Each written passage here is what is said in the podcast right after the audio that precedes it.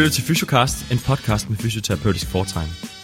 I dag skal du høre tredje episode fra Sportskongressen 2019, og den er med en fyr fra Norge, som hedder Thorstein Dalen. Og øh, Thorstein han forsker i load management, primært i relation til fodbold. Load management handler om øh, træningsmængde og om at øge og mindske træningsmængde i forhold til at optimere performance og mindske risikoen for skader.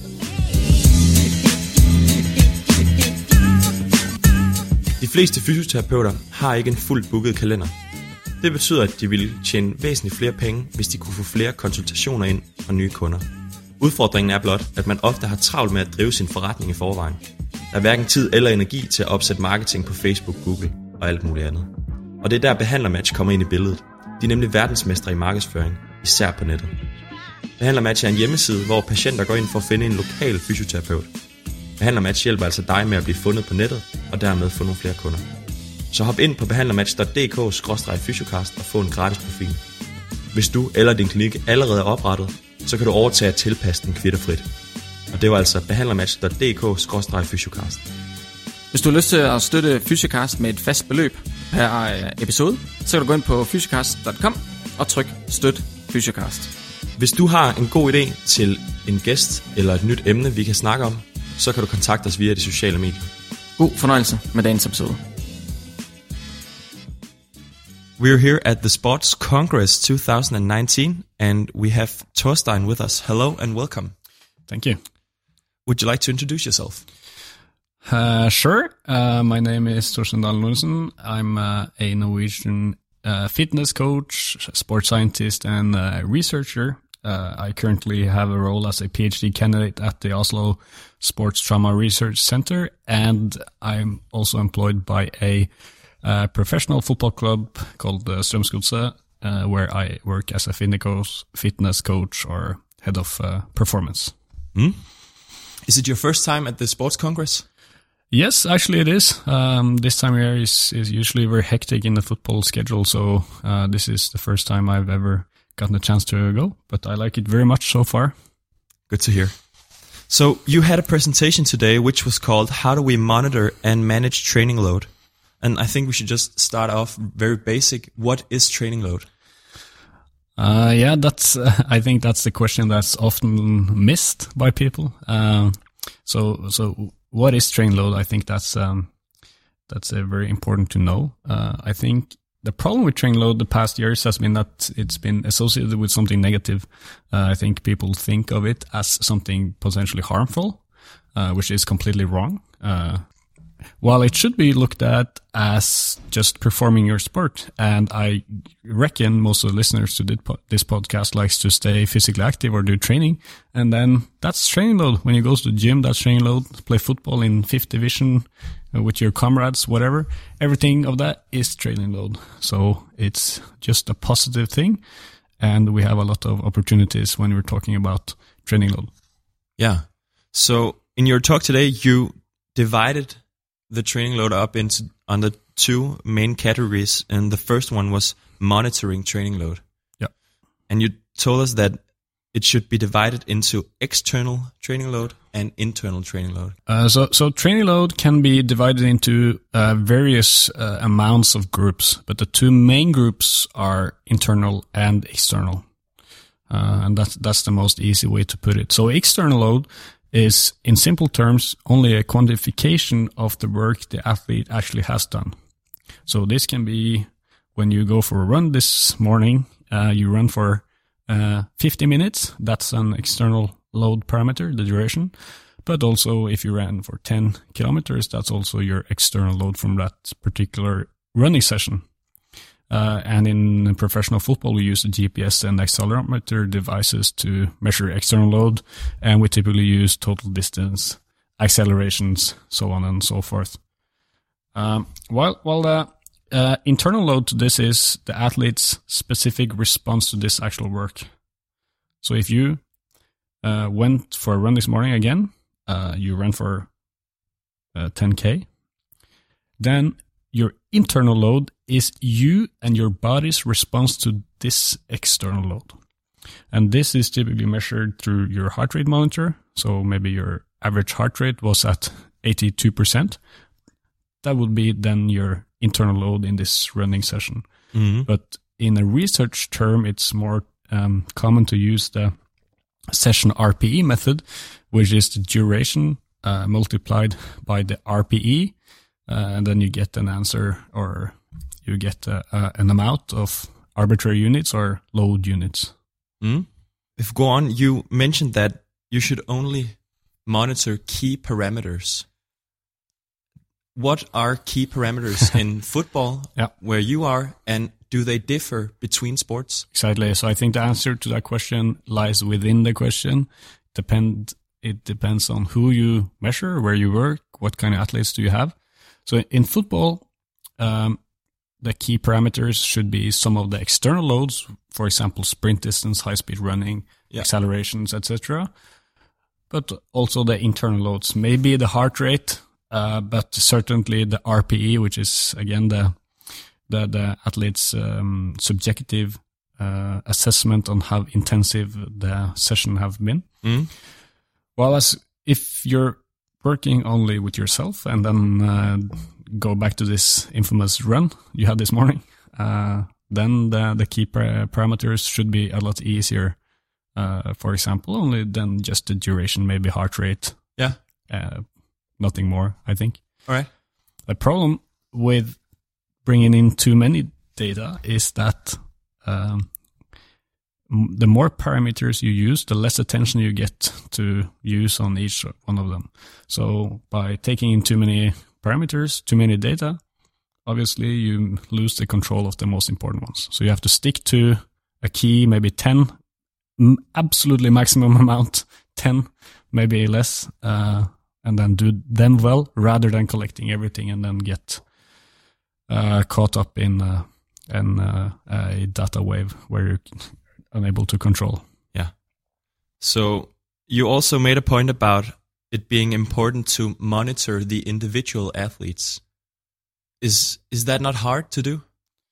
Uh, it's not hard, but it's it, it can be time demanding. So I'm in my presentation, I was speaking from a, a professional team perspective. Then it's very easy, Mm. uh, and even going up in a more elite setting than the Norwegian and the Danish league. Uh, if you go to the Champions League clubs or the Premier, uh, English Premier League clubs, they have a lot of more people and resources to keep and hold of uh, every single athlete. But to me, um, you cannot in a football club just uh, monitor the average because there will be a lot of differences just from one single session can be almost 50% uh, difference in load, even unnoticeable uh, by uh, observing the, the session.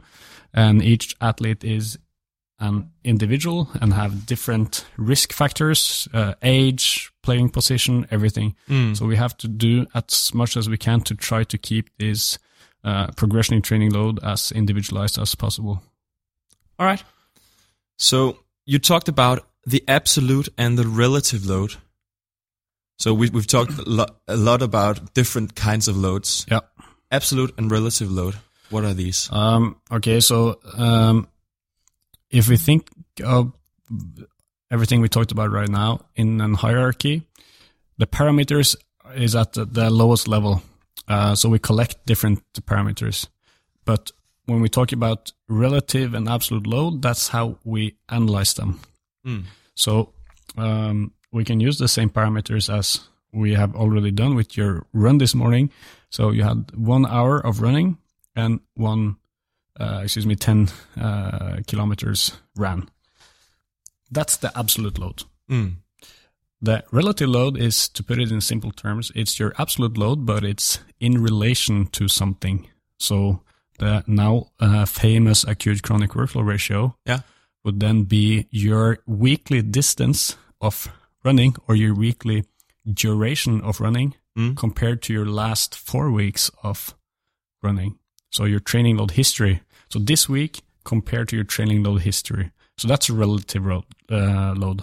So it's a lot better to look at the relative load than the absolute because you need to have some perspective on what the athlete uh, are accustomed to to actually know what one uh, one hour of running really means. So, if we move on to managing training load, you uh, you stated that there is a target, the the big target of managing training load, which is That's up to you. I mean, if you're a physio coming out from physiotherapy school and your main objective in life is to have an athlete that doesn't get injured, that's your target. And then that's, I have the perfect solution for you. Uh, I can guarantee you no football injuries. Stop with football. yeah Have your athletes, uh, on the sideline doing something else. Uh, maybe take a language course or something, maybe Norwegian language course, which a Danish should do. Um, but uh, I think the target for everyone involved in sports is the uh, the combination between uh, performance and injury managing injury risk. yeah Uh, for me, as a sports uh, physiologist and um, uh, and and a fitness coach, I'm mostly concerned about the performance. And I think in a football environment, also the physios should have that as their main objective. Even though we're reaching performance through managing uh, training load wisely, which also gives us the benefit of most likely uh, minimizing the injury risk. is there any relationship between performance and and injuries? You think? Yeah, Or- there is, but it's really difficult to um, to to to quantify it, and it's also very difficult to describe it because a lot of studies have seen that teams with the highest uh, number of availability, which means the percentage of your squad that's not injured, have uh, better success in their home leagues, uh, according to the Swedish uh, Champions League study. But I think the main thing is that if you have a proper uh, load management, Mm. this will lead to less fatigue, which then again leads to fewer injuries, but more importantly, better performance in on its own. Then you have the, a positive loop where this will give you better performance and fewer injuries will give you more people in training or the best players available for training, which again gives you uh, performance. Yeah, yeah, so yeah. yeah, I think it's not two different things. We should do both. We we should think of both. But if I had to choose one, it's performance. All right.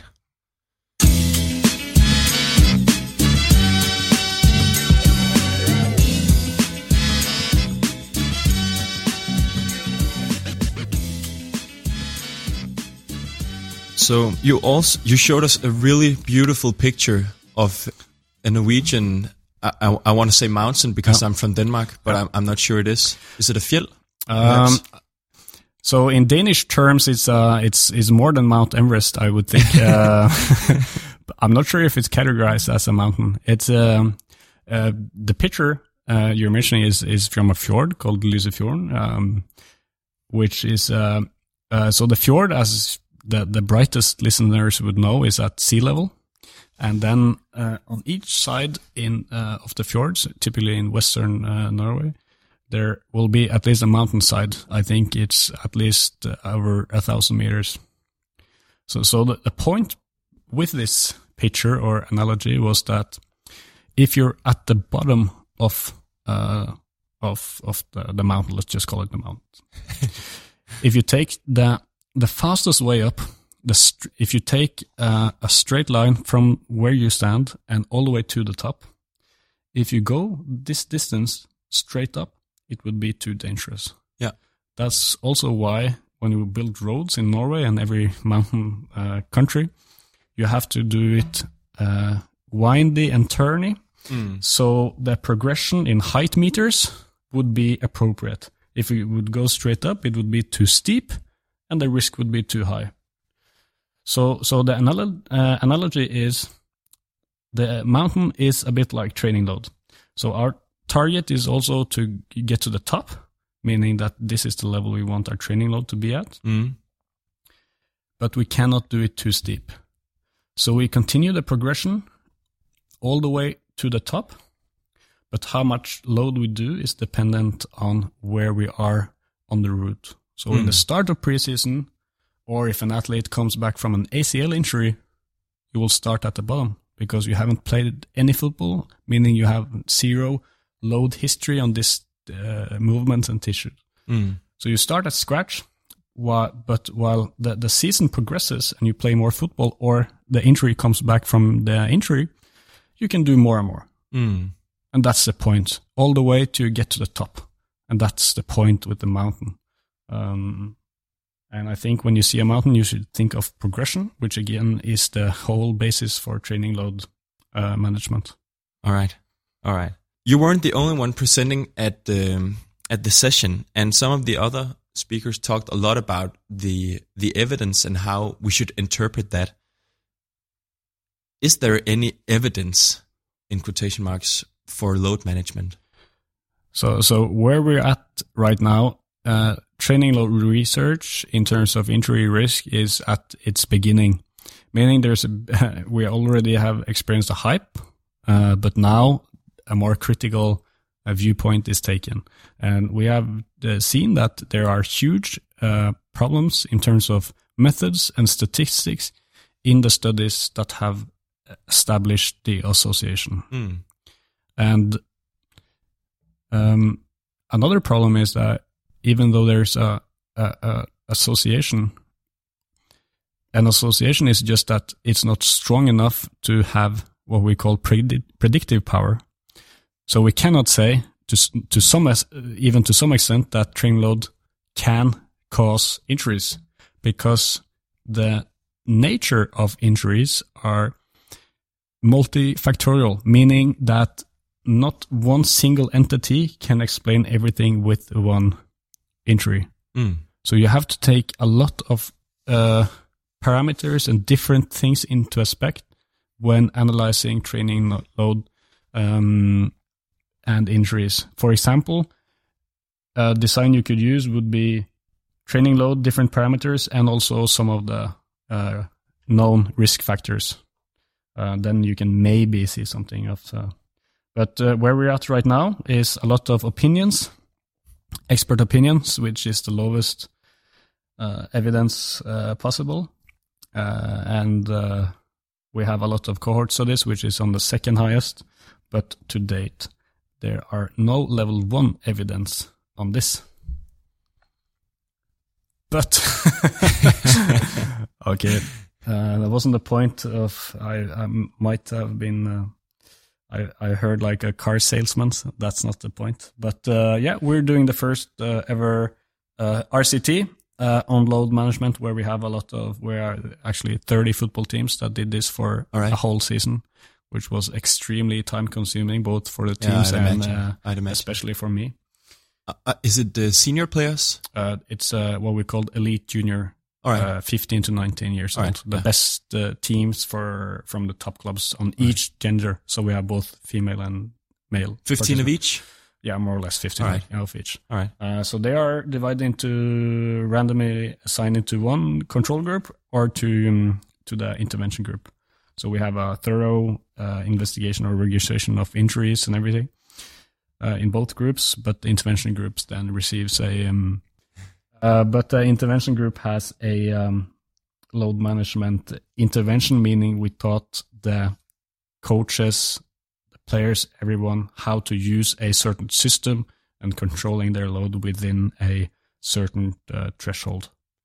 And the results from this study is not uh, is not uh, clear yet. We're working on it right now, uh, and we hope to have this published sometime uh, in 2019 or even maybe next year. All right. All right. That's. Uh, I'm sorry we can't we can't talk about the the results, but that's all right. Yeah. So if we should uh, talk about some of the take home messages. Yeah. From your talk today, Mm. what would you say they were?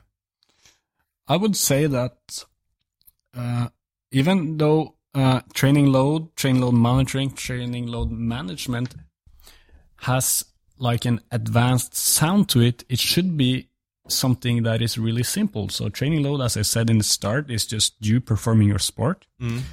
Load monitoring is just you having control over your sport, and load management is just training planning.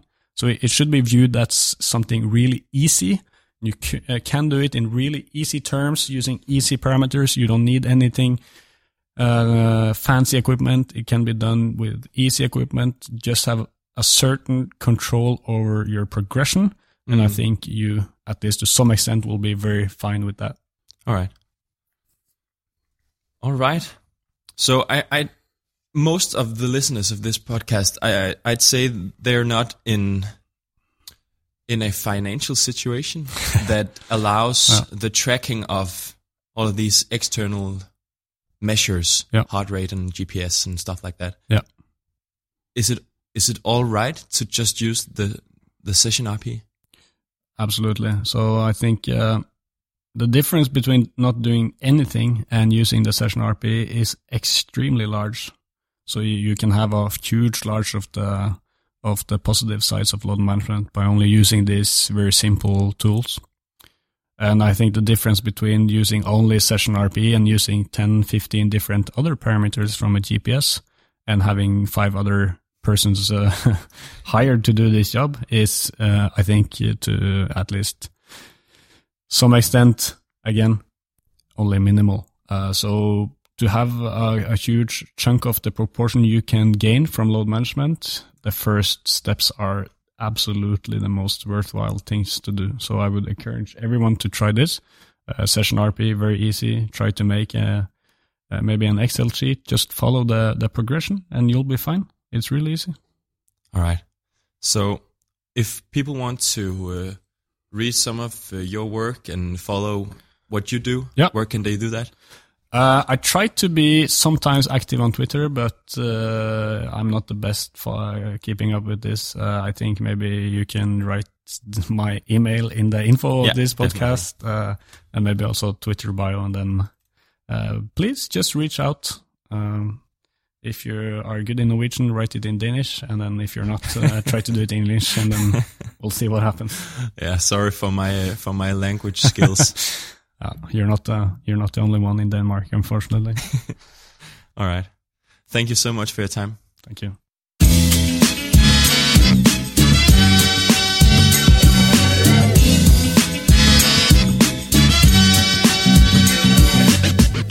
Dette afsnit af Fysiocast var sponsoreret af behandlermatch.dk. Behandlermatch er i dag blevet stedet, hvor patienter finder fysioterapeuter. Behandlermatch er med andre ord din chance for at blive fundet på nettet få flere nye kunder, så du kan nå dine økonomiske mål. Så hvis du er fysioterapeut og gerne vil tjene nogle flere penge, så gør dig selv en tjeneste og hop ind på behandlermatch.dk-fysiocast med det samme. Hvis du vil vide mere om dagens episode, så hop ind på fysiocast.com, hvor du kan finde informationer om øh, dagens emne samt kontaktinformationer på de gæster, vi havde i dag. På vores hjemmeside har du også muligheden for at trykke støt Fysiocast. På den måde så kan du bidrage med et fast, lavt beløb, hver gang vi udgiver en episode. Tusind tak, fordi du lyttede med. Vi lyttes ved.